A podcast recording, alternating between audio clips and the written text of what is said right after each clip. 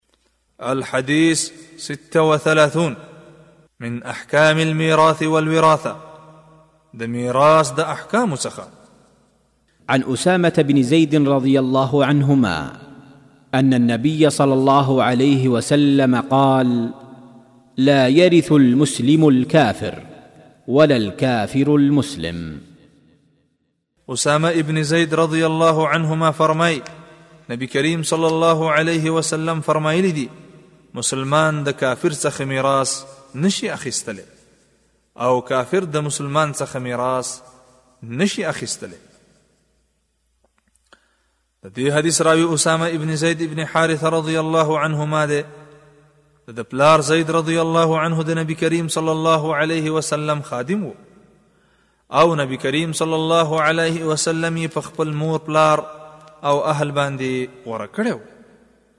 اسامه ابن زید رضی الله عنه د ډیرو ښو صفاتونو او اخلاقو خاوند و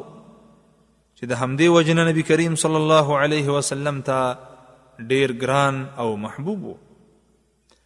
اسامه ابن زید رضی الله عنه ډیر هوشیار او زړور صحابي و او په پوره حکمت سره به کارونه سرته رسول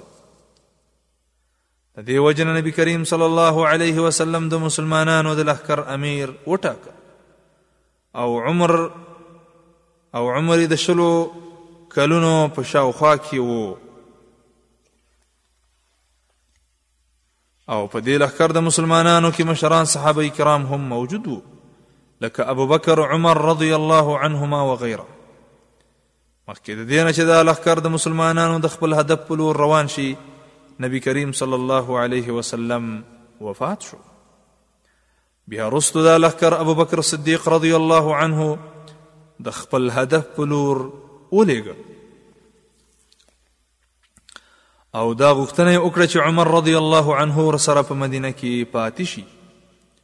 بیا دا لښکر چې د اسامه ابن زید رضی الله عنه په قیادت کې تللی و د ډېرو غنیمتونو سره راواپس شو د احادیث په کتابونو کې د اسامه ابن زید رضی الله عنه نه د نبی کریم صلی الله علیه وسلم یوصل اتلس احادیث نقل دي اسامه ابن زید رضی الله عنه په هغه اختلافاتو کې کوم چې د صحابه کرامو په منځ کې واقع شوی وو ځان لواله اختیار کړو بیا د مشق ته نږدې یوه علاقه هلته لاړو او څه وخت وروسته بیرته مدینې ته راغی او بیا په کال څلور پنځوس هجري کې په جرف مقام کې د یو شپېتو کلونو په عمر وفات شو او په مدینه کې دفن کړی شو من فوائد هذا الحديث دي حديث د فوائد څخه اول دا حدیث لارښوونه کوي چې مسلمان د کافر څخه او کافر د مسلمان څخه میراث نشي اخستلی اگر که کافر د میراث د تقسیمولو نمخ کې اسلام هم قبول کړي بیا هم په دغه میراث کې د برخه نشته دی او همدا د جمهور علماو مذهب دی او همدارنګه حکم د مرتد هم دی دوهم بعض علما بیا په دې نظر دي چې مسلمان د کافر څخه میراث اخیستلی شي خو کافر د مسلمان څخه میراث نشي اخیستلی او که کافر مخکې د دې نه چې میراث تقسیم شي اسلام قبول کړي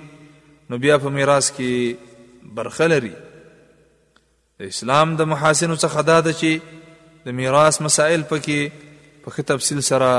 بیان شوي دي